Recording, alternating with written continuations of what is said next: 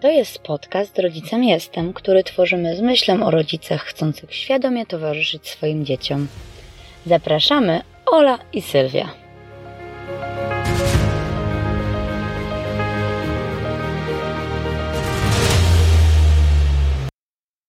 Dzisiaj będziesz miała okazję wysłuchać drugiej rozmowy z drugiej podcastowej konferencji Kierunek Szczęście.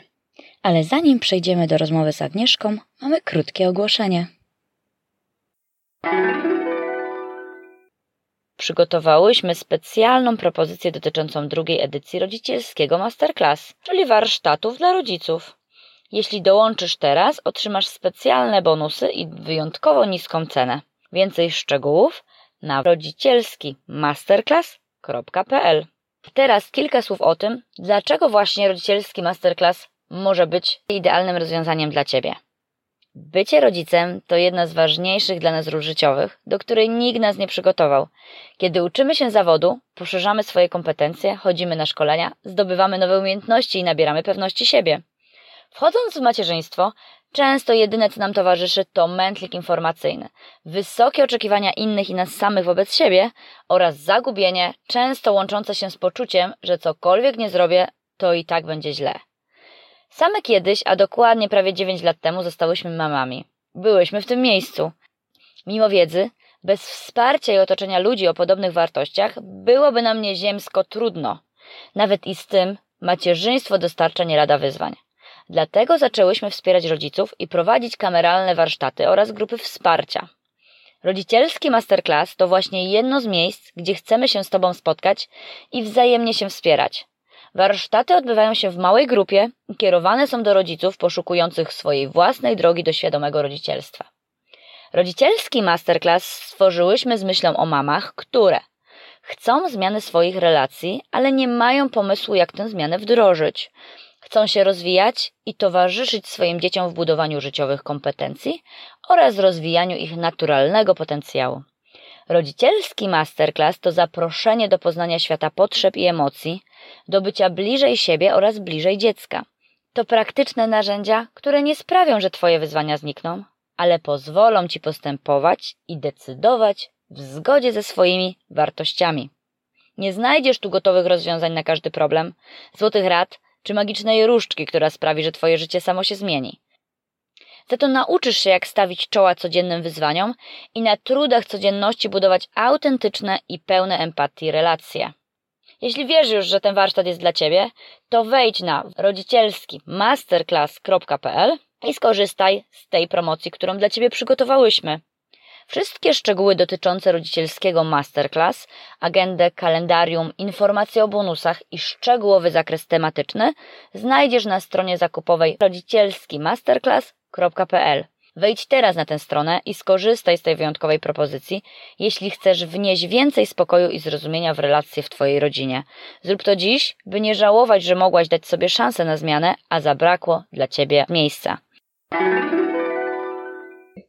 Dzisiaj mam przyjemność rozmawiać z Agnieszką Stążką Gawrysiak, autorką bloga Dylematki, coachem, mentorką i facylitatorką metody Self-Rec.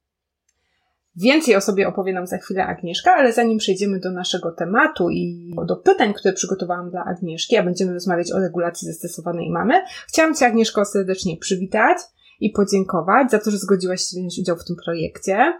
E, tym bardziej, że jest to nasze drugie spotkanie i jest to chyba rozmowa, na którą czekałam z największą ciekawością, bo nasza pierwsza, właśnie o wysokiej wrażliwości, bardzo dużo w moim życiu zmieniła, o czym rozmawiałyśmy chwilę przed, przed nagraniem i za to też Cieszę się, że mam okazję Ci osobiście podziękować właśnie teraz i dzisiaj. Także dziękuję i fajnie, że jesteś z nami. Dziękuję Ci, Sylwio, bardzo. E, za to też serdeczne powitanie.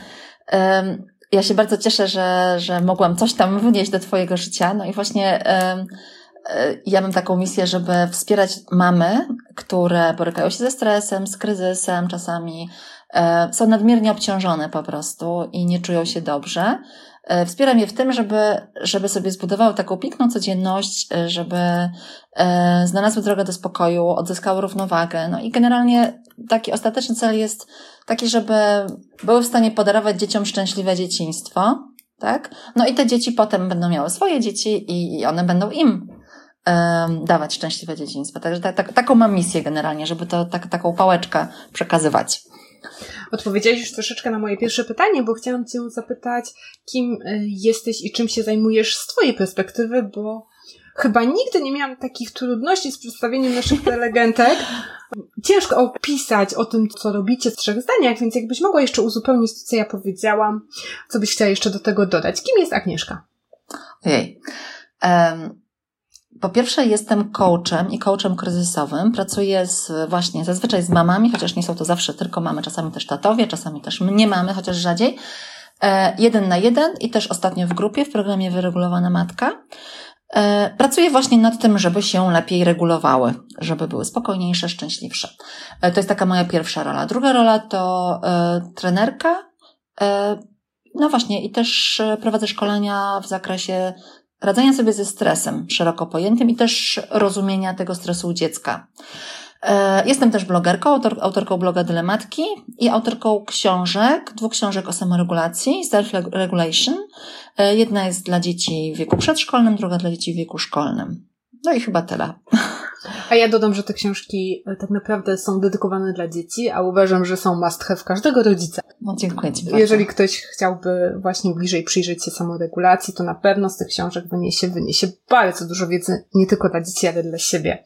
Mówię to z własnego doświadczenia, bo są to książki, które naprawdę mi przybliżyły tą metodę w sposób zjadliwy, przystępny, łatwy i przyjemny. Nasza konferencja nosi nazwę Kierunek Szczęścia. I myślę, że jest tak, że każdy, każdy rodzic, każda mama, każda kobieta w każdej z tych, z tych ról, które wykonujemy, szuka tego szczęścia. Tego szczęścia definiowanego na swój własny sposób.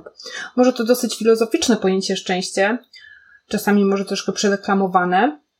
Po naszej pierwszej konferencji wiemy, że każdy to szczęście inaczej definiuje. A ja bym chciała wiedzieć, Agnieszka, co dla ciebie kryje się pod tym pojęciem? Czym według ciebie jest szczęście?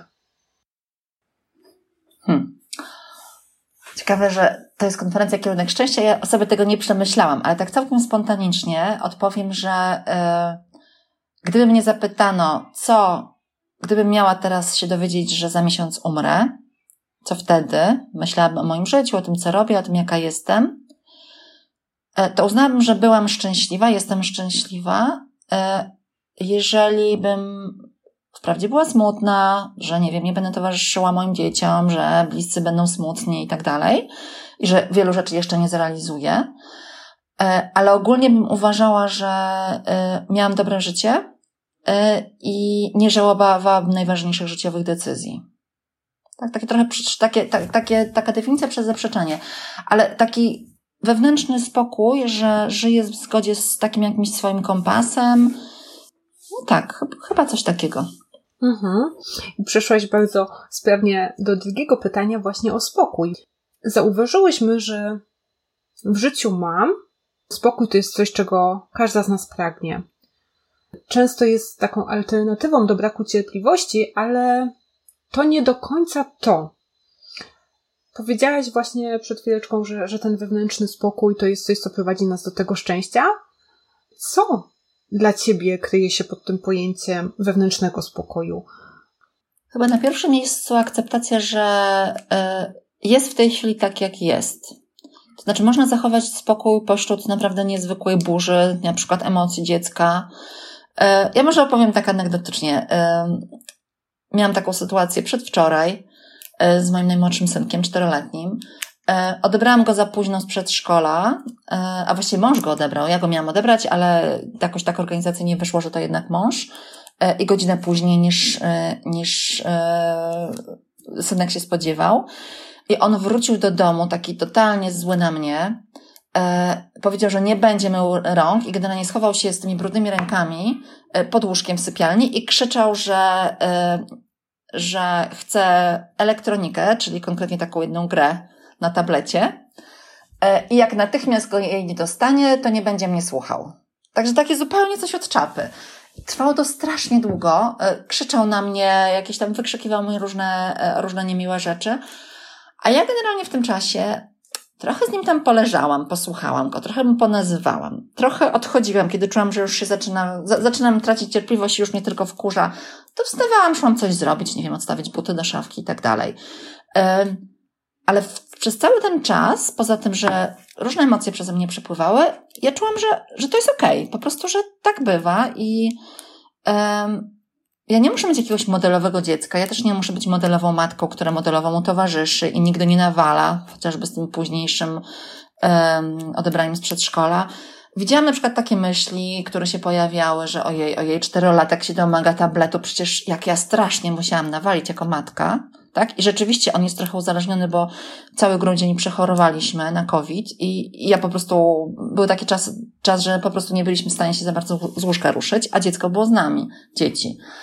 Um, i te różne myśli sobie tak przypływały, ja je widziałam, trochę się denerwowałam, ale potem znowu wracałam do takiego swojego, no to jest po prostu życie i to jest okej, okay, że bywa różnie, że bywa niemiło, bywa, bywa jakoś tam trudno, bywa nieprzyjemnie, ale to, to jest kawałek życia. I miałam, w środku miałam takie poczucie, że, że ogólnie jest okay i że za chwilę znowu będzie całkiem przyjemnie.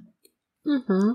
Czyli właśnie, że nawet w tych trudnych momentach możemy czuć ten wewnętrzny spokój i że on nie jest związany z otoczeniem, tylko z tym naszym właśnie wnętrzem i łapaniem tych myśli, zatrzymaniem się, byciem blisko tego, co się w nas dzieje.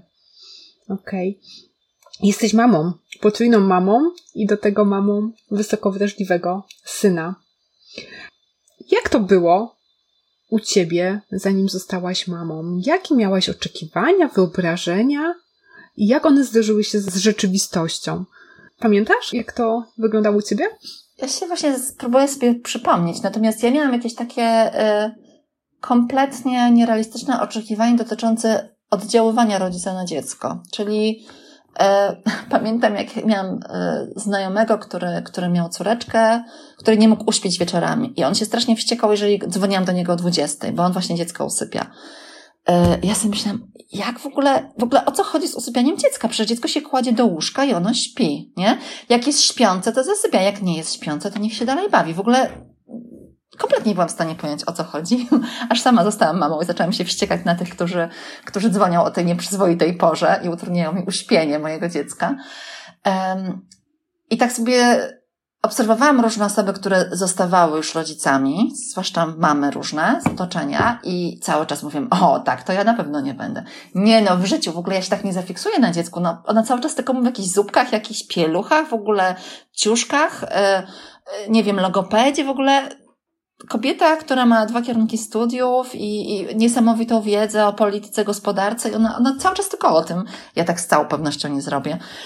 I pamiętam, że kiedyś wysłałam nawet SMS-a do mojego brata yy, i napisałam mu, słuchaj, jeżeli mi tak kiedyś odbije, to proszę cię, szturchnij mnie. Brat mi oczywiście szturchnął, kiedy ja już byłam mamą. Wysłał mi tego SMS-a wtedy. Więc zupełnie jakby nie wyobrażałam sobie, jak to będzie i, i uważam, że po prostu dziecko mi się pojawi, jak będę chciała je położyć, to się położy, jak, jak będę chciała je czegoś nauczyć, to ono się nauczy. Nie wpadłam na to, że mogą być problemy ze snem, z jedzeniem, z jakimś jęczeniem. W ogóle nie miałam tego pomysłu, że, że tak może być. Bardzo to było dziwne. I? I co potem? Tak, i potem urodziłam bardzo e, upragnionego synka. E, który się okazał wiecznie niezadowolony z tego, jaką ja byłam mamą. Przynajmniej ja to tak odbierałam. E, ja czułam cały czas, że on mi coś chce powiedzieć, że ja nie jestem nie taka jak trzeba. E, I oczywiście to nie było o nim, to było o mnie, że ja tak e, jakby siebie oceniałam po tym, jak on się zachowuje, bo miałam takie wyobrażenie, że, że dziecko świadczy o matce. Jeżeli dziecko jest jęczące, rozjęczane, to no matka jakoś nie daje rady, bo gdyby dawała, to ono by było uśmiechnięte, zadowolone i bezproblemowe. E, a mój synek był nadwrażliwy na różne bodźce sensoryczne, też miał problemy ze spaniem, e, no przeróżne sytuacje nam się wydarzały i miałam jeden wielki kłopot, jak się w ogóle zachowywać jako mama. No właśnie. I, I w zasadzie był taki czas, że ja, kiedy on spał, kiedy już zasnął, to ja przekopywałam internet w poszukiwaniu pomysłów na zabawienie dziecka, żeby ono tylko nie jęczało. To tak z grubsza wyglądało moje, moje, moje wczesne macierzyństwo. Bardzo, bardzo trudny to był czas. Tak, a później odkryłaś self i zostałaś wyregulowaną mamą. Mm, zanim przejdziemy do właśnie tematu mm, zestresowanej mamy, tego w jaki sposób się regulować, to chciałabym, żebyś wyjaśniła takie trzy pojęcia, które bardzo często będą się przewijać w naszej rozmowie, czyli stres, stresory i samoregulacja. Czy to wszystko to samo, czym to się różni, z czym to się je? Mhm.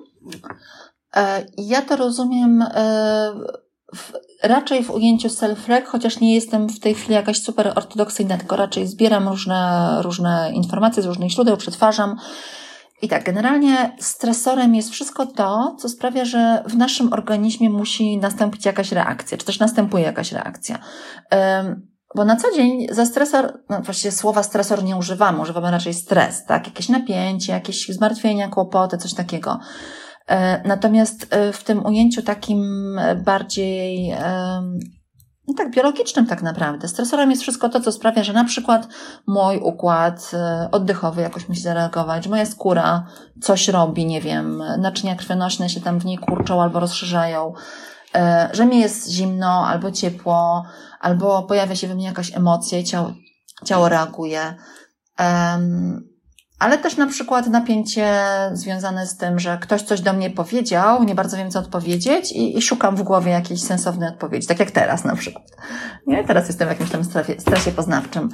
E, więc to są stresory, tak? Bodźce, które wywołują u nas jakąś reakcję, jakieś odchylanie się od tej równowagi, w której no niby byliśmy. E, natomiast stres to już jest ta um, reakcja organizmu na stresory. I e, ja teraz czytam, kończę e, taką książkę, którą bardzo wszystkim polecam, po prostu na, na prawo i na lewo, e, siostry Nagoski pod tytułem Wypalenie. Kiwasz głową, czyli, czyli też, też wiesz o co chodzi. Właśnie no zaczęłam właśnie. czytać i pierwszy rozdział właśnie bardzo fajnie przedstawia, czym jest stres, a czym jest stresor. Także. Mhm. Tak. I właśnie one zwracają uwagę na to, że usunięcie stresora niekoniecznie usuwa stres, ale też właśnie tym stresem należy się zająć przede wszystkim, bo to on wpływa najbardziej na, y, na jakość naszego życia. Czyli to, co się dzieje z naszym ciałem, z naszym umysłem, z naszymi emocjami, to jest właśnie stres. I może być tak, że ja mam kupę stresorów, ale nie jestem bardzo obciążona stresem. A może być tak, że ja tych stresorów jakoś tam obiektywnie z zewnątrz na to patrząc nie mam dużo, ale po prostu jestem wywalona w kosmos, jeśli chodzi o obciążenie stresem. Jestem, jestem rozedrgana po prostu, tak? To, to zależy od bardzo wielu czynników. Zależy od tego, jakie mam predyspozycje wrodzone i tu pewnie zaraz przejdziemy do wysokiej wrażliwości, jak znam życie, chociaż, chociaż na chwilkę. Um, ale też od naszej historii, tak? Znaczy, po pierwsze od biologii, od, od tego, jacy się urodziliśmy i jakby y, jak to, jak to się potoczyło z naszym ciałem, tak, z naszymi emocjami, z naszym systemem nerwowym i też tego, tego jak, e, jakie mamy doświadczenia, zwłaszcza te wczesne, związane ze stresem, tak, jak, jakie, co pamięta nasz układ nerwowy. I teraz samoregulacja. Samoregulacja to jest jedno z takich ważnych pojęć w psychologii, które się doczekało, nie wiem, ponad 300, ponad 400 różnych definicji. Tam kiedyś, kiedyś e, badacze policzyli, ile tego jest. I te definicje są rozmaite. E, czasami można nawet znaleźć takie, które, w których samoregulacja pokrywa się z samokontrolą. Ja stosuję tę definicję samoregulacji, która właśnie odróżnia samokontrolę od samoregulacji. Generalnie samoregulacja to jest takie, to jest zdolność do zarządzania tak naprawdę napięciem i energią, tak? Czyli, czyli zarządzania stresem w pewnym sensie, tym, co się z nami dzieje. E, przede wszystkim chodzi o uświadamianie sobie tego, co się z nami dzieje, w jakim jesteśmy stanie i e, robienie tego, co nam pomaga osiągnąć równowagę. Tak? I tu też oczywiście chodzi też o zarządzanie stresem w tym sensie, że kiedy jestem za mało zestresowana, to sobie go dokładam, żeby było tak w sam raz, tak? Bo stres też nie jest zły. To nie jest tak, że, że naszym celem jest leżenie i pachnienie w spa. Nie wiem, czy mówi, się pachnienie, ale tak wiadomo o co chodzi. E, tylko naszym celem jest właśnie taka jakaś, e, jakieś takie łapanie balansu, nawet nie bycie w tym balansie, w tej równowadze, tylko łapanie go, bycie gdzieś tam wokół e, i po prostu życie pełną, pełnią życia. To jeszcze może powiem o samokontroli, żeby, żeby tak to jakby zestawić. Samokontrola z kolei to jest taka funkcja wykonawcza naszego umysłu, która sprowadza się do hamowania impulsów tak naprawdę. Czyli jeżeli, jeżeli nie mam w ogóle samokontroli, to w momencie, kiedy mi coś przyjdzie do głowy, to ja to robię. I tak działają malutkie dzieci, tak? Widzi, widzi taki maluszek, nie wiem, coś ciekawego, nie wiem, zapal, zapałka się pali, no to sięga łapką i jeszcze nie wie, że, że to nie jest dobre. A nawet jeśli wie, to nie bardzo umie się poham, pohamować. Tak? Więc to jest taki jeszcze, jeszcze brak samokontroli. E, no a fajnie, jeśli dorosły człowiek ją ma nieźle rozwiniętą. Przy czym, jeżeli polega tylko na samokontroli, a nie na samoregulacji, to zużywa mnóstwo energii, bo różnica jest taka, że samoregulacja sprzyja zachowaniu energii na dobrym poziomie, a sama kontrola, e, no to jest właśnie funkcja wykonawcza naszego umysłu, czyli ona zużywa mnóstwo energii, tak? Bo te funkcje wykonawcze, te, te takie dojrzałe funkcje naszego umysłu są bardzo energochłonne i trzeba się regenerować, żeby, żeby być w stanie z tego korzystać fajne wyjaśnienie tych, tych pojęć, e, zwłaszcza samoregulacji i samokontroli, bo spotykam się z tym, że ta samokontrola jest przedstawiana jako zła, a samoregulacja jako dobra. A ty to właśnie fajnie przedstawiłeś, że potrzebujemy i jednego, i drugiego w odpowiednich proporcjach. Super. Bardzo, bardzo Ci dziękuję. E, wokół stresu właśnie i, i tych, tak jak sama wspomniałaś, chociażby, że jest 300 definicji samoregulacji, podobnie jest e, z wieloma przekonaniami, czasami mitami, czasami faktami na temat stresu. Ja kilka wyszukałam, tych, które mnie zaciekawiły i chciałam je z Tobą przegadać. Zastanowić się nad tym, czy, czy to jest faktycznie tak, jak podają pewne źródła, czy jednak jest tam trochę w tym jakiegoś mitu. I taki, taki pierwszy, który mm, sama znam i często słyszałam, że Stres jest czymś typowym dla naszych czasów, jest wszędzie i nie jesteśmy w stanie się go wyzbyć. Czy tak to wygląda? Mm, to jest y, trochę tak, trochę prawda, trochę nieprawda. To znaczy, owszem, stres jest wszędzie. Y, stosując tę definicję, że jeżeli na przykład nagle mi się zrobi zimno, to mój organizm jest zestresowany, tak, no to jak najbardziej. Y, stres jest absolutnie wszędzie. Co chwilę nam się przydarzy jakiś stresor i jest typowy dla naszych czasów rzeczywiście, e, dlatego że no właśnie pytanie, jaki stres? E, dlatego, że jesteśmy daleko bardzo od, od równowagi. Tak? To znaczy, nasz krąg cywilizacyjny tak naprawdę sprowadza się w dużej mierze do tego, że odeszliśmy, już nie mówię, wyszliśmy z sawanny, tak, nie chodzimy jakoś tam w skórach, nie mieszkamy w jaskiniach, nie o to mi chodzi. Chodzi mi o to, że, yy, że śpimy za mało, jemy za dużo i nie do końca właściwe rzeczy, nie do końca takie, które nam sprzyjają. Ruszamy się za mało.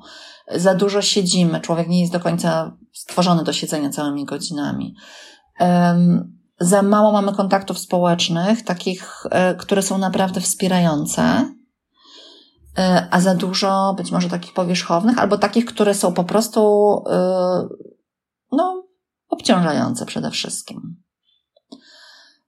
Więc na pewno, na pewno nasze czasy są stresujące, ale z drugiej strony każde czasy były w, jakiejś, w jakimś tam sposób stresujące. Wtedy, kiedy właśnie ludzie się dużo ruszali, zdrowie jedli, spali e, zgodnie z rytmem dobowym, to z kolei e, życie było bardzo niebezpieczne. Nie było lekarstw, nie było, nie wiem, od szczepień poprzez, poprzez penicylinę, tak? Nie było, nie było możliwości leczenia. I człowiek dożywał mniej więcej średnio, nie wiem, dziesiątego roku życia, tak licząc tę umieralność niemowląt i małych dzieci, to, to przeciętna długość życia myślę, że mogła, tak przynajmniej pisze, pisze E, autor książki Wyloguj swój mózg, swoją drogą bardzo polecam. On, on też pisze o tym stresie, o tym, o tych naszych czasach versus starych czasach. E, no więc, więc kiedyś też było bardzo niebezpiecznie. Zawsze jest, zawsze jest stres tak naprawdę. Bliskie do tego, o czym mówiłyśmy, jest też przekonanie, że mm, od stresu w drugą stronę, że można się całkowicie uwolnić. Czy tak się da? Mm, no jak umrzemy, to tak, to już nie jesteśmy zestresowani, jak najbardziej można. Czyli tak, to jest taka droga, okej. Okay. Tak, ale wyobrażam sobie, że życie całkowicie bez stresu byłoby y, piekielnie stresujące, bo y, no wyobraź sobie, że z Twojego życia y, usuwa się wszystko, co Cię stresuje, każdy obszar, który Cię stresuje. No, mnie bardzo stresują dzieci, trzeba by usunąć dzieci. Jak mąż mnie czasami stresuje, to, to, to Ale męża jeszcze łatwiej usunąć niż dzieci, nie? Męża łatwiej niż dzieci ewentualnie usunąć, tak. Czasem mnie stresuje praca, chociaż akurat na szczęście moja bardzo mało. Stresuje mnie włas... No w zasadzie każdy, ka, każdy obszar, który jest dla mnie ważny, przynosi mi też stres, tak? Mój mózg jest zestresowany, kiedy przeczytam coś ekscytującego, bo to potem rozkminiam, tak? Znaczy w ogóle ja jestem, nie, nie to, że mój mózg, tylko jakby od, mój organizm odczuwa stres, kiedy się czymś podekscytuje, ucieszę bardzo, skaczę z radości. Więc wyobraź sobie, że usuwasz to wszystko. No to tylko można położyć się i umrzeć. Nie, nie, nie widzę innej możliwości. To by było potwornie takie puste usunąć to wszystko. A czy jest tak, że każdego co innego w innym zakresie stresuje? Tak, to znaczy generalnie wiadomo, że y, ludzki układ nerwowy jest skonstruowany tak, że pewne, pewne y, bodźce, pewne stresory no, wpływają na nas wszystkich. Czyli na przykład, jeżeli idziesz, idziesz sobie ulicą i nagle ci śmignie, nie wiem, rowerzysta dosłownie centymetry od ciebie, to każdy ma podobną reakcję w ciele, bo to jest ta reakcja, prawda, taka walki, ucieczki, taka momentalna. I nasze układy nerwowe są w tym sensie podobnie zbudowane, że mamy bardzo podobne w ciele te reakcje. Natomiast, właśnie tak jak powiedziałam, zależnie od naszych predyspozycji biologicznych i tego, nawet jak nam się wdrukowały w ciało emocje, kiedy byliśmy malutcy, odczuwamy różne sytuacje w różny sposób. E, I to dosłownie na poziomie fizjologicznym, tak? I to też się bardzo wiąże z naszymi doświadczeniami, które nam wykształciły jakieś przekonania o rzecz- rzeczywistości. E, Podam przykład. E, Sytuacja taka całkiem obiektywna, ktoś się spóźnia, nawet o tym rozmawiałyśmy przed. Więc wyobraź sobie, że masz takie przekonanie, że człowiek, który się spóźnia, nie szanuje innych. Tak? Więc jeżeli siedzisz i czekasz na kogoś, kto się spóźni, umówiłaś się z nim w kawiarni nie? i się spóźnia, to siedzisz sobie i myślisz sobie, myślisz, on mnie nie szanuje. No po prostu on mnie nie szanuje. I coraz bardziej się nakręcasz. Tak?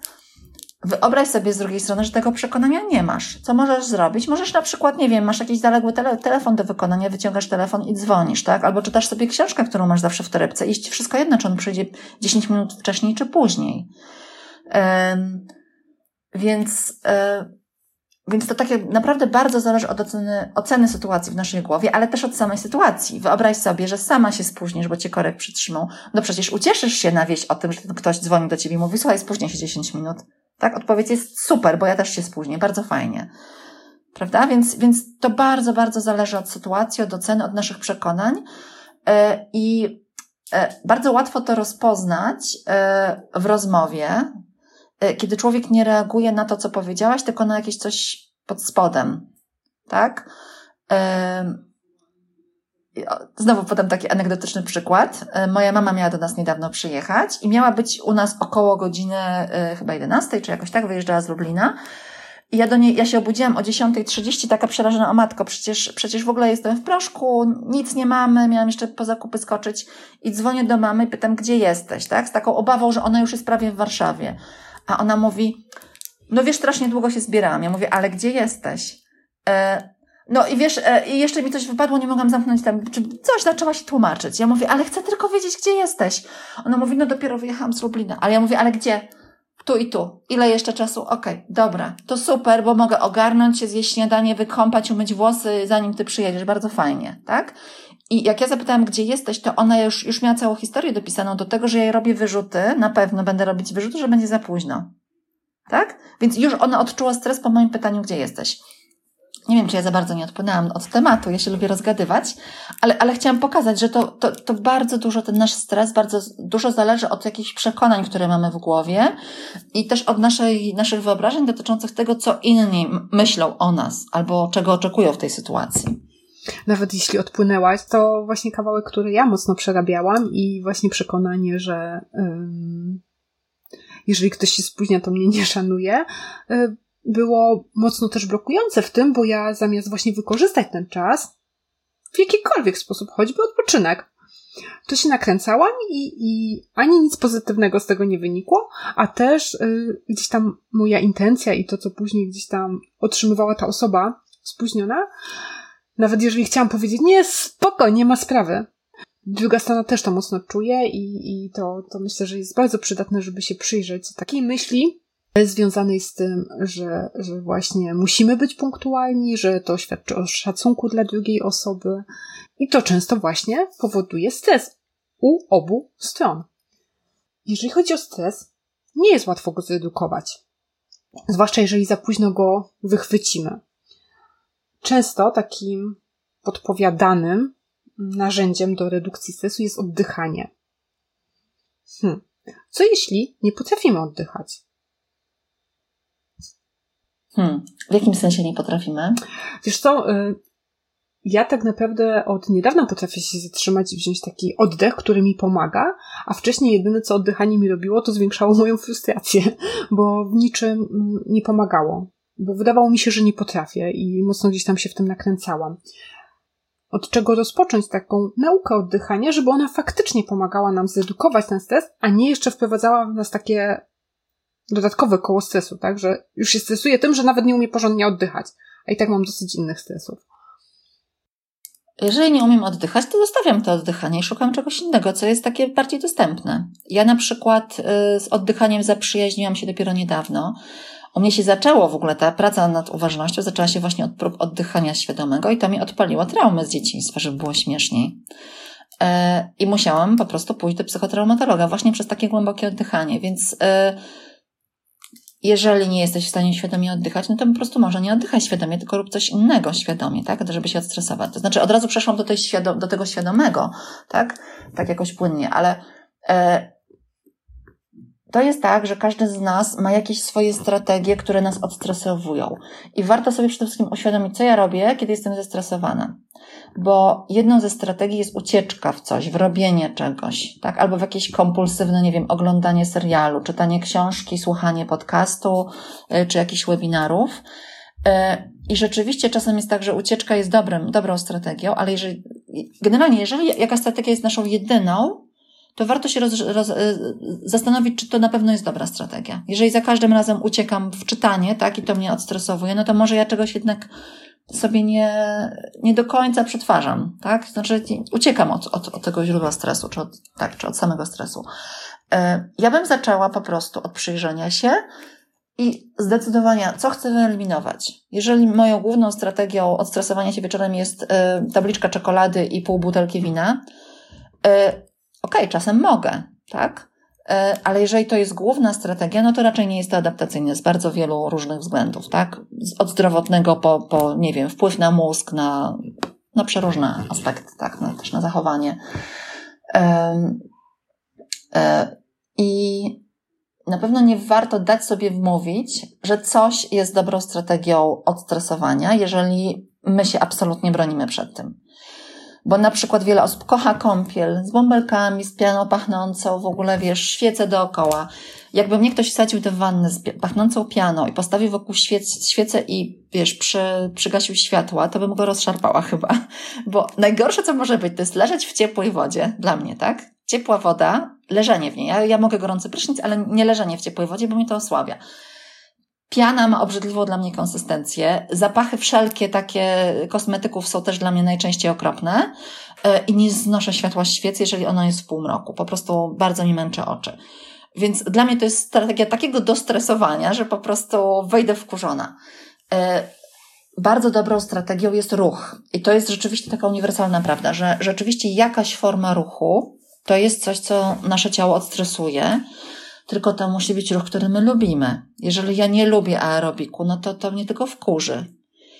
Cudownym sposobem na zestresowanie się jest pójść na zumbę, jak ktoś nie ma dobrej koordynacji na przykład i nie lubi głośnej muzyki, no to po prostu się załamie tylko, że, że coś z nim nie tak. E, bieganie tak samo. Niektórzy lubią, inni nie. Niektórym to szkodzi wręcz, na przykład stawom. E, więc jakaś forma ruchu, to tym ruchem może być po prostu spacer, tak? Zwykły, spowolny spacer, albo nie wiem, szybki marsz po zakupy. No właśnie, a wracając do tego oddychania. Dużo lepsze od jakiegoś e, świadomego, nie wiem, sterowania oddechem jest sama świadomość oddechu. To znaczy samo przyjrzenie się, jak ja oddycham i tylko tyle. Bo sama obserwacja zmienia obiekt obserwowany, jak wiemy, nie od dziś i jeżeli ja będę się przyglądała, jak oddycham, to jest szansa, że ja będę oddychała po prostu lepiej. Tak, że to będzie jakoś tak. I samo e, się troszkę zrobi. Tak, no, jeżeli na to zwrócimy uwagę. Mhm. Mhm. często nie widzimy tych objawów stresu? I czy to znaczy, że wtedy go nie przeżywamy? E, my je widzimy, czy otoczenie nie widzi po nas? My. My. My. Że my nie widzimy na przykład. Mhm. Tak, że my nie czujemy w ciele, nie, my jesteśmy odcięci na przykład od swojego ciała i, i nie Mhm. wiemy, co tam się dzieje i wydaje nam się, że jest wszystko w porządku, a później nagle nie wiadomo skąd coś odpala, nie? Jest tak, że można nie być świadomym te, tego, jak, w jak wielkim napięciu się żyje. Tak? Jeżeli napięcie jest rzeczywiście ogromne, albo jeżeli jest jakby czymś, takie duże napięcie, jest czymś, co znamy od dzieciństwa, tak? Bo na przykład mieliśmy bardzo niesprzyjające warunki dorastania, rodzinę mocno dysfunkcyjną i jakby taka czujność, stałe sprawdzanie, czy jest ktoś, kto mi na przykład przyłoży, tak? Gdzieś w okolicy, czy, czy dostanę jakiś cios dosłownie, tak? Albo, albo, albo w przenośni. Jeżeli, jeżeli mamy takie doświadczenia, to po prostu jesteśmy stale napięci, nawet nie wiemy, że, że, że to nie jest do końca normalne. Um, I takie, no właśnie, um, można żyć w zamrożeniu, w potężnym, znaczy, bo zamrożenie to jest tak naprawdę potężne napięcie, które na zewnątrz wygląda jak spokój. I um, pytanie, co z tym robić? E, warto słuchać życzliwych osób z otoczenia, jeśli się je ma. Tak? I jeżeli ktoś mi mówi, e, ale to musiało być dla ciebie trudne, a ja w ogóle nie wiem o co mu chodzi, to może to być sygnał, że ja czegoś jakby nie przejmuję, jakoś czegoś nie przeżywam. E, Ja pamiętam, kiedyś usłyszałam takie zdanie na studiach coachingowych, e, że tak- taki feedback od, od, e, od prowadzącej zajęcia, że opowiadam o czymś bardzo trudnym, potem o czymś bardzo przyjemnym i cały czas jakby wyglądam tak samo i moje ciało wygląda tak samo i takim się nie zmieniała. I to dla niej jest sygnał, że ja jestem odcięta od emocji. Także cały czas ten sam ton, nie? Jakoś tam wesoło o czymś smutnym.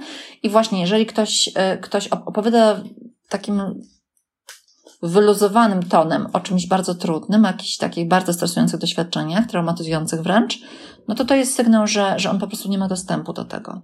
Ja nie wiem, czy odpowiedziałam na pytanie. Tak, myślę, że tak, a nasunęło mi się jeszcze coś takiego, że mm, my się w pewien sposób w niesprzyjających warunkach e, adoptujemy do tego stresu. Mhm. Tak, tak, bo e, generalnie reakcja zamrożenia to jest, to jest taka reakcja, kiedy no, nie jesteśmy w stanie ani podjąć walki, bo ten stresor, czy ten agresor, który jakoś tam nas atakuje, jest tak potężny, że nie mamy szans. I też nie możemy uciec, bo nie jesteśmy też wystarczająco sprawni.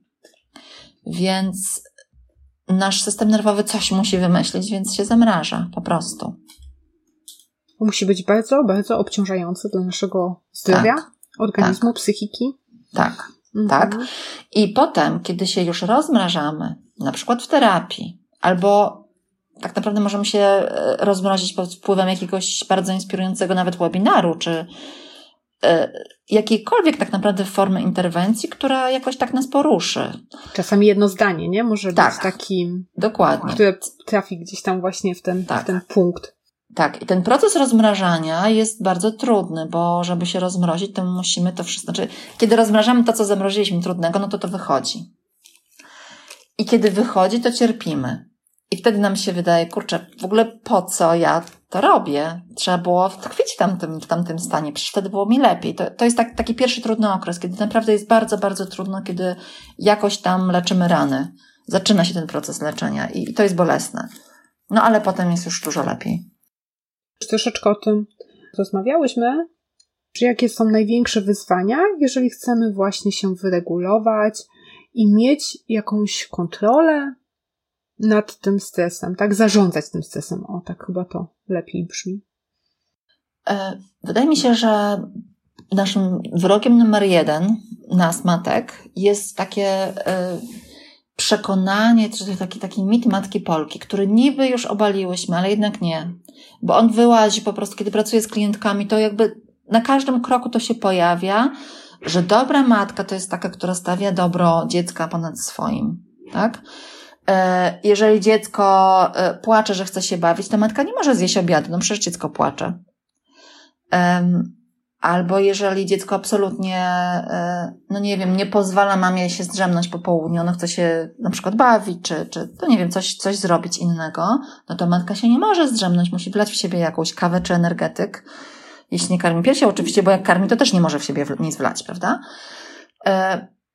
E, I to nam bardzo szkodzi, dlatego że, e, że to nam e, utrudnia regenerację. Tak? To znaczy to dbanie o własne zasoby, jeżeli ma się taki, takie wyobrażenie tej matki, przede wszystkim wspierającej dziecko, dbanie o własne zasoby wydaje nam się egoizmem. A to jest absolutna podstawa, żeby w ogóle nalewać cokolwiek dziecku, tak? Do, do tego kubeczka dziecka. Musimy mieć same z czego nalać. Więc musimy się regenerować, musimy o siebie dbać, musimy sprawiać, musimy. No nie lubię słowa musimy. Nie, nie musimy, ale nie jesteśmy Tak, ale dbać o siebie musimy, bo tego nas nikt nie nauczył, więc musimy tak. się nauczyć. Wydaje mi się, że to jest wyjątkowa mhm. e, taka przestrzeń na to słowo musimy, żeby mhm. podkreślić, jakie to jest tak. ważne. Tak. Więc po pierwsze ten mit Matki Polki, która właśnie tak bardziej dba o dziecko niż o siebie, a o siebie tylko jeśli to służy dziecku. Tak? Czyli wyśpię się, no bo jeśli się nie wyśpię, to będę wrzeszczała rano. I tylko dlatego. Nie dlatego, że ja chcę być po prostu wyspaną osobą, tak? I dobrze się ze sobą czuć, tylko żeby dziecko miało wyspaną mamę. Drugie, dru, drugie, drugi mit, który tak, e, który nam bardzo, e, takie przekonanie bardzo głęboko ukryte, to jest to, że jestem w stanie skontrolować zachowanie innych osób. Gdybym tylko bardziej się postarała, to na pewno te osoby się inaczej zachowywały. I mam to na myśli po pierwsze dzieci, a po drugie partnera. E, jeżeli chodzi o dzieci, to, no to, to jest to, co wierzyłam jako, jako jeszcze nie matka, że no jeżeli matka jest ogarnięta, to to dziecko też będzie ogarnięte. I w pewnym, znaczy jest tym oczywiście ziarno prawdy, bo jeżeli, e, jeżeli dziecko zachowuje się, e, na przykład dziecko, które jest w domu tylko z rodzicami, na przykład ciągle wszystkich w cudzysłowie szantażuje. Jeżeli nie zrobisz tego, to, to coś tam zrobię, tak? Dwulatek taki, czy trzylatek. E, no to pewnie on to gdzieś usłyszał to troszeczkę odzwierciedla rodziców. Jeżeli dziecko jest cały czas rozstrojone, oczywiście wyjąwszy jakieś tam trudności rozwojowe, wyjąwszy to, że nie wiem, może być chore, ale jeżeli jest cały czas marudne, napięte, krzyczy, bije, no to może matka powinna, czy ojciec powinni, rodzice oboje tak naprawdę, powinni bardziej o siebie zadbać. Yy, powinni jakoś um, um, obniżyć swoje napięcie, tak? Więc troszeczkę to jest o rodzicach. Ale z drugiej strony dziecko to jest odrębny człowiek i nigdy nie masz pełnej kontroli nad drugim człowiekiem, nawet nad noworodkiem. On może odmówić piersi, on może na przykład cokolwiek nie chcieć się wypróżnić, chociaż ty akurat byś chciała, żeby już zrobił, udało się przewinąć i żebyś mogła pójść spać, tak? Więc nie masz kontroli, nie ma takiej opcji, żebyś kontrolowała tę, tę drugą osobę. E, no i tu jest jeszcze drugi aspekt. Bardzo się spalają matki, e, próbując zmienić partnerów. Ja teraz z Jagodą Sikorą e, szykuję taki, takie szkolenie. Teraz, kiedy rozmawiamy, e, to jest jeszcze na ponad miesiąc przed konferencją, jeszcze nie mamy tytułu, ale, ale dojrzewa w nas ten pomysł już od bardzo dawna, bo bardzo dużo stresu kosztuje matki e, próba przekonania partnera, żeby robił dokładnie tak jak ona, czyli dokładnie tak jak przeczytały to w bliskościowych książkach i na bliskościowych blogach.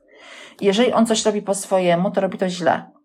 Ja mam tutaj bardzo długą historię, taką właśnie. Mój mąż się tutaj czuł jakby cały czas nacenzurowanym. Wszystko, co robił, robił nie tak jak, prawda, piszą Stań, Stańczyk, musiał i tak dalej i powinien poczytać i się wreszcie ogarnąć. Ale po pierwsze nie mamy wpływu na tego drugiego człowieka, po drugie to też jest jego dziecko. Dopóki go nie krzywdzi, to ma prawo budować relacje tak, jak, tak jak on uważa to za stosowne. E, no właśnie, więc szykujemy takie szkolenie na ten temat, natomiast, natomiast e, to jest nieprawdopodobnie spalające właśnie ta próba zmiany drugiej osoby, tak? Próba doprowadzenia do tego, żeby ktoś coś robił. I myślę, co jeszcze. Mm, no i oczywiście, e, byłam perfekcjonistką przed narodzinami dziecka, więc dalej będę perfekcjonistką w pracy i dodatkowo perfekcjonistką jako mama i jeszcze nadal będę perfekcyjnie ogarniać mieszkanie. I to się nie może udać. To znaczy, ok, jeżeli mam tabun niań, e, pomocy domowych, e, obok jest bardzo wspierająca mama i teściowa, i jeszcze moje siostry, kuzynki i tak dalej, e, i mam jeszcze fantastyczną pracę na pół etatu, dobra, to to się rzeczywiście może udać, że wszystko bardzo fajnie się układa, ale zazwyczaj tak nie mamy i i trzeba obniżać poprzeczkę w różnych obszarach, przeróżnych i ciągle tym żonglować i akceptować to, że no nie jestem nie dam z siebie 100%, nawet w jednym, nie mówiąc o kilku. Mhm. Co możemy robić dla siebie? Jak możemy dbać o siebie na co dzień, żeby właśnie stawać się taką wyregulowaną mamą? mm, przychodzi mi do głowy takie sformułowanie: zostań swoją sojuszniczką. Czyli warto zacząć od tego, żeby we własnych myślach się nie podkopywać, żeby zmienić sposób myślenia w różnych sytuacjach. Tak? Czyli jakby nawet jeżeli jestem w skrajnie trudnej sytuacji życiowej, e, to jeżeli jestem w stanie wykrzesać w sobie odrobinę wdzięczności dla kogoś za coś, e, i też doceniać to, co ja sama robię, tak? To, co mi się udało, to, co zdołałam. E, I raczej tam kierować swój wzrok, to to rośnie. Po prostu. Wszystko, wszystko na czym się skupiasz, rośnie, puchnie, jakby, powiększa się. I, I to jest taki absolutnie pierwszy krok, który jest dostępny zawsze.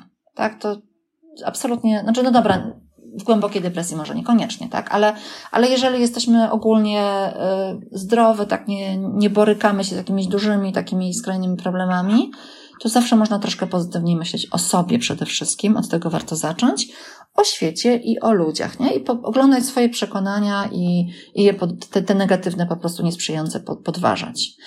Y, to jest pierwsza rzecz. A druga rzecz, po prostu zastanowić się, no właśnie, co, co lubiłaś robić, kiedy byłaś y, jeszcze nie mamą? Ja na przykład ostatnio wróciłam do puzli e, i, e, i no, od dawna chciałam je układać i byłam przekonana, że ja w ogóle nie mam warunków, bo nie mam takiego miejsca w domu, gdzie mogę rozłożyć puzzle tysiąc kawałków i na przykład przez miesiąc je układać tam, nie wiem, po 15 minut o pierwszej w nocy, tak? Na przykład, wtedy, kiedy mnie najdzie. No a potem odkryłam, że są maty do układania puzli. E, I mam taką matę, kupiłam i po prostu sobie pozluję w takich wolnych chwilach. Jestem absolutnie zachwycona, szczęśliwa i warto szukać takich małych, e, małych pomocy, że tak powiem. Tak, mata do pusy jest dla mnie w tej chwili taką przenośnią e, dotyczącą niewielkiego wsparcia, który bardzo rozwiązuje mój deficyt, tak? I warto też myśleć, że z jednej strony regeneracja odbywa się stale, na co dzień, czyli ja nie muszę pojechać, no bo teraz mi się marzy tydzień nart gdzieś tam w, w Dolomitach z mężem bez dzieci. No to jest w ogóle marzenie, tak? Na nartach jeździłam ok rok temu, a wcześniej w Dolomitach to pff, lat temu 11, zanim zostałam mamą. E, ale to nie jest tak, że ja muszę poczekać jeszcze parę lat, zanim pojadę w Dolomity, żeby się zregenerować. Nie, ja mogę się zregenerować za chwilę, chociażby tymi puzzlami przez 15 minut. Ale z drugiej strony, jeżeli mamy potężny deficyt tego, tej regeneracji, jeżeli jesteśmy wypalone wręcz, to takie 15-minutówki często mogą prowadzić trochę wręcz do rozmrożenia. Czyli ja dopiero wtedy widzę, jak strasznie byłam napięta, jak strasznie byłam, e, nie wiem, e, czy zamrożona, czy wypalona, czy po prostu mam dość. I sygnałem jest to, że wracasz na przykład po godzinie biegania, tam biegania, spacerowania po lesie sama czy z przyjaciółką, albo odrywasz się od książki właśnie po godzinie i dzieci cię wkurzają bardziej niż przed tą regeneracją. To jest dla mnie taki sygnał. Słuchaj, kobietę, musisz bardzo o siebie zadbać i ta godzina czy te 15 minut to jest oczywiście ważne, ale ty potrzebujesz naprawdę coś dużego zrobić, tak? Rzeczywiście jakoś, jakoś porządnie się sobą zająć. Być może pójść do psychoterapeuty, być może y, wyjechać na jeden weekend dokądś, nie? Potrzebne jest coś dużego. Mhm. Bardzo dużo powiedziałyśmy, co zrobić, kiedy już wiemy, że jesteśmy rozregulowane, że chodzimy zestresowane, ale teraz bym się cofnęła tak e, do początku. Jak zauważyć te, te symptomy, tak?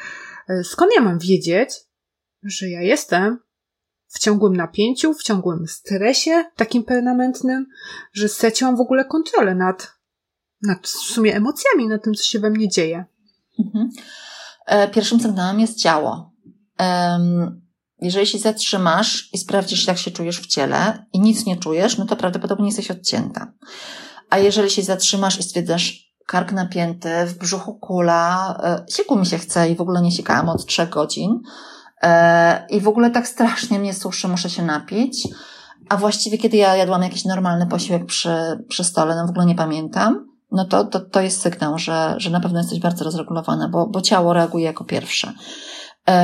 Drugim objawem takiego rozregulowania jest labilność nastrojów, takie przechodzenie od radości do, do smutku, jakieś wybuchy, takie huśtawki. Nie mówię o fazie PMS, bo to większość kobiet może tak mieć, ale mówię o tym, że tak jest po prostu ciągle.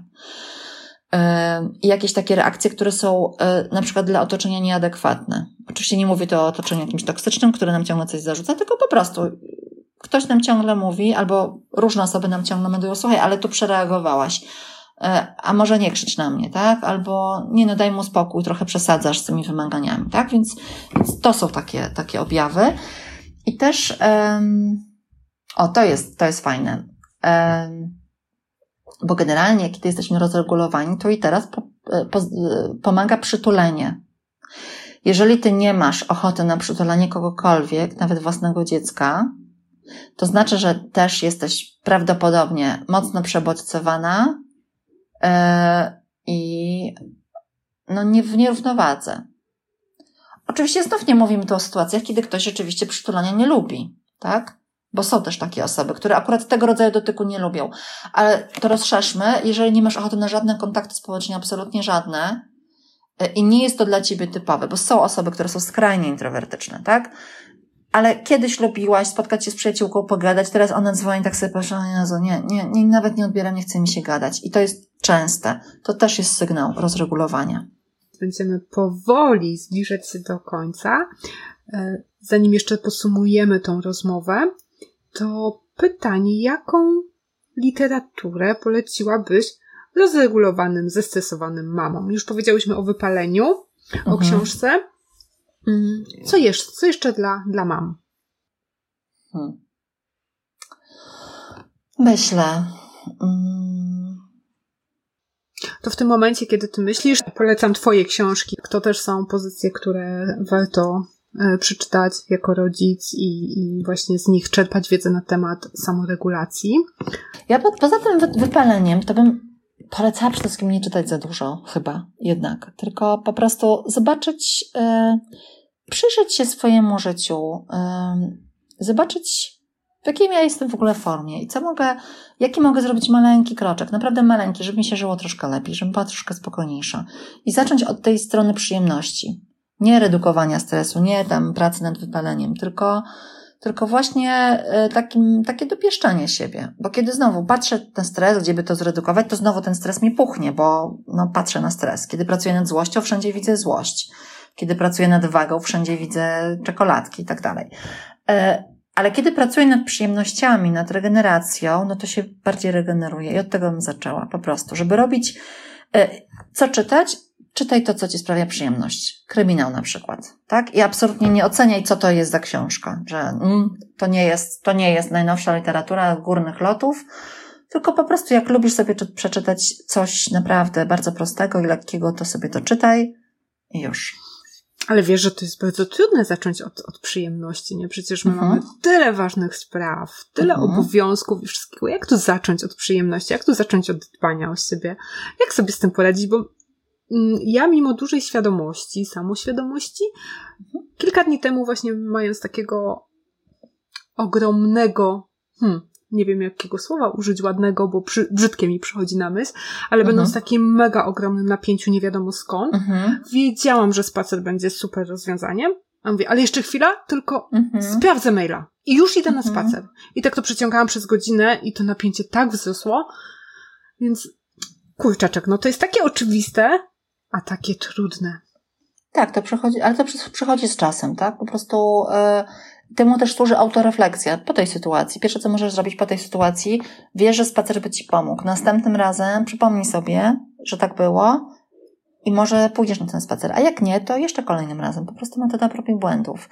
I yy, jeżeli rzeczywiście masz ten mit matki Polki, że yy, potrzeby dziecka przede wszystkim, to pomyśl sobie, że robisz to dla dziecka. Jeżeli będziesz bardziej wypoczęta, to dziecku będzie lepiej. Jeżeli naprawdę nie umiesz inaczej, to może być to pierwszy krok. Chociaż ogólnie polecam odpoczywanie dla samej siebie, nie tylko dla dzieci. Zgadzam się z Tobą, podpisuję się, bo poszłam na ten spacer i on faktycznie mhm. w mgnieniu oka zładował mhm. to napięcie, tak? Go właśnie dojście do tego momentu, do tej samoświadomości, do tego, że ja naprawdę muszę zaopiekować siebie, to wszystko jest fajne w teorii, a w praktyce nadal jest trudne, tak? Bo żyjemy 30 ponad lat w jakichś tam przekonaniach i to nie jest y, że zmiana dzieje się w punkcie, nie? Że to jest, to jest proces i ten proces trwa latami i, mhm. i my w te stare schematy, automaty będziemy wpadać, nawet jeżeli przeczytamy całą bibliotekę książek rozwojowych, nie? Tak, i tutaj się bardzo przydaje wspierająca wioska.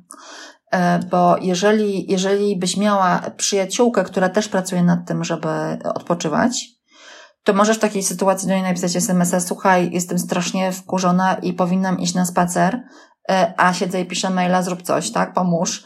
I ona do ciebie zadzwoni i ci e, popuka cię w głowę i mówi, słuchaj kobieta, przecież pamiętasz, też się omawiałyśmy, idź na ten spacer i zamelduj mi za 15 minut, czy już wyszłaś, czy jeszcze nie, na przykład. Tak? Szukamy Więc... swojego partnera produktywności. Tak, tak, tak, tak, tak, nawet widzisz, o, widzisz produktywności, od razu mówisz o produktywności. Partner w regeneracji, nie? Czyli fajnie jest znaleźć takiego sojusznika, który ci, który będzie pracował nad tym samym, tak?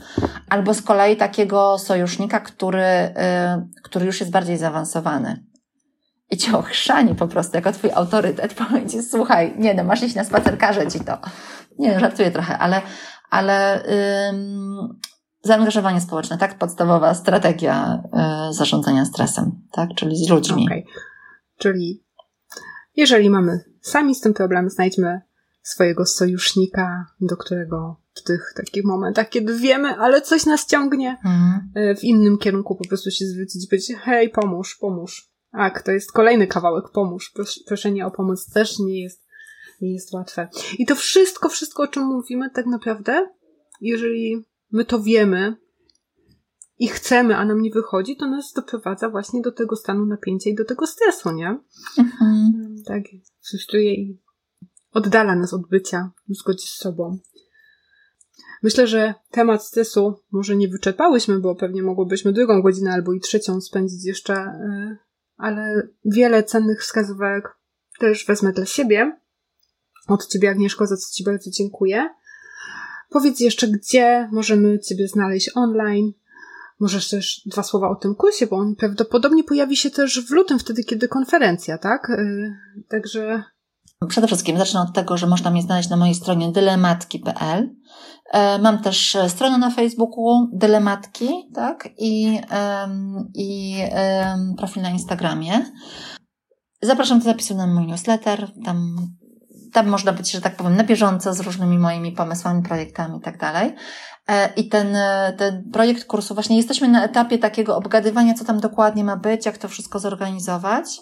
E, kurs będzie dotyczył tego, jak, jak sobie radzić przy różnych sytuacjach, kiedy my jesteśmy bliskościową mamą, a przynajmniej próbujemy, a partner niekoniecznie. I po prostu Jagoda Sikora, która jest psycholożką e, dziecięcą, ona będzie mówiła o tej stronie jakby, jak sobie radzić tutaj w relacji z dzieckiem, tak? Czego dziecko potrzebuje, e, jak działać, żeby to dziecko czuło się bezpiecznie mimo różnic między rodzicami, czasami bardzo dużych.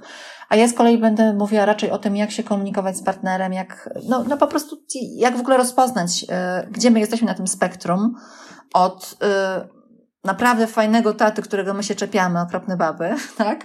Do przemocowego partnera po prostu, którego należy jakoś, nie wiem, odciąć, tak? Porzucić i tak dalej. Takie całe, całe pełne spektrum. No właśnie, jakie są opcje, na co zwracać uwagę, jak się komunikować, tak? E, no to będzie właśnie o tym. Ja myślę, że taki kurs jest bardzo potrzebny. I tak jak powiedziałam, chyba od dwóch lat to, to, to w nas dojrzewało i już jesteśmy gotowe. A kiedy planujecie premierę? Tego e, jeszcze nie wiemy, jeszcze nie jeszcze wiemy, nie tak, ale myślę, że w czasie konferencji to już będzie wszystko wiadomo. Okej, okay. jeśli będzie, to na pewno też tutaj przy okazji y, rozmów, zresztą pierwszy dzień konferencji to jest Agnieszka i Jagoda w no tak. tak, także y, jeżeli już do tego czasu się pojawi, to na pewno też gdzieś tam w mailu z waszymi rozmowami wspomnimy o tym, że on już jest Czekamy też z niecierpliwością, bo na pewno będzie wartościowy. Mm. Aga, na koniec, gdybyś miała jednym zdaniem, może trzema, mhm. podsumować tą naszą rozmowę i taką, taką, taką jedną myśl, takie jedno przesłanie, które byś chciała nam zostawić, co by to było? Mm. Bądź dla siebie dobra, i wtedy będziesz fajną mamą? I teraz wszyscy bierzemy długopis i piszemy to zdanie. I przyklejamy sobie widoczne miejsce. Mhm, tak. To jest chyba najlepsze podsumowanie tej rozmowy. I ten stres i ta regulacja wtedy też będzie dla nas łatwiejsza, jeśli będziemy same dla siebie dobre. Bardzo Ci dziękuję, Agnieszka, za tą rozmowę. Dziękuję Ci za wszystkie doświadczenia tutaj też Twoje, którymi się podzieliłaś. Myślę, że będą nie tylko dla mnie, ale też dla naszych słuchaczek bardzo wartościowe. No i mam nadzieję, że jeszcze będziemy miały okazję się usłyszeć. Jeżeli nie na kolejnych konferencjach, to na pewno w naszym podcaście. Także bardzo, bardzo Ci dziękuję i cieszę się, że miałyśmy kolejny raz okazję porozmawiać. Ja też Ci bardzo Sylwia dziękuję i za zaproszenie, i za zaufanie, i, i za fajną rozmowę. Po prostu bardzo lubię z Tobą rozmawiać i też liczę na powtórki. Okej. Okay. To macie tutaj od nas zapewnienie, że na pewno Agnieszkę jeszcze usłyszymy. Bardzo się cieszę i w takim razie do usłyszenia. Do usłyszenia, dziękuję. Dzięki. Dziękujemy za wysłuchanie tego odcinka. Jeśli podobał Ci się, daj znać poprzez dodanie swojej opinii w iTunes, subskrypcję tego podcastu lub po prostu napisz do nas. Cieszymy się z każdej wiadomości i na każdą odpowiadamy. Pamiętaj również, że ruszyły zapisy na drugą edycję rodzicielskiego Masterclass. Zapisując się dziś do północy, garniesz fantastyczne bonusy. Szczegóły znajdziesz na stronie rodzicielskimasterclass.pl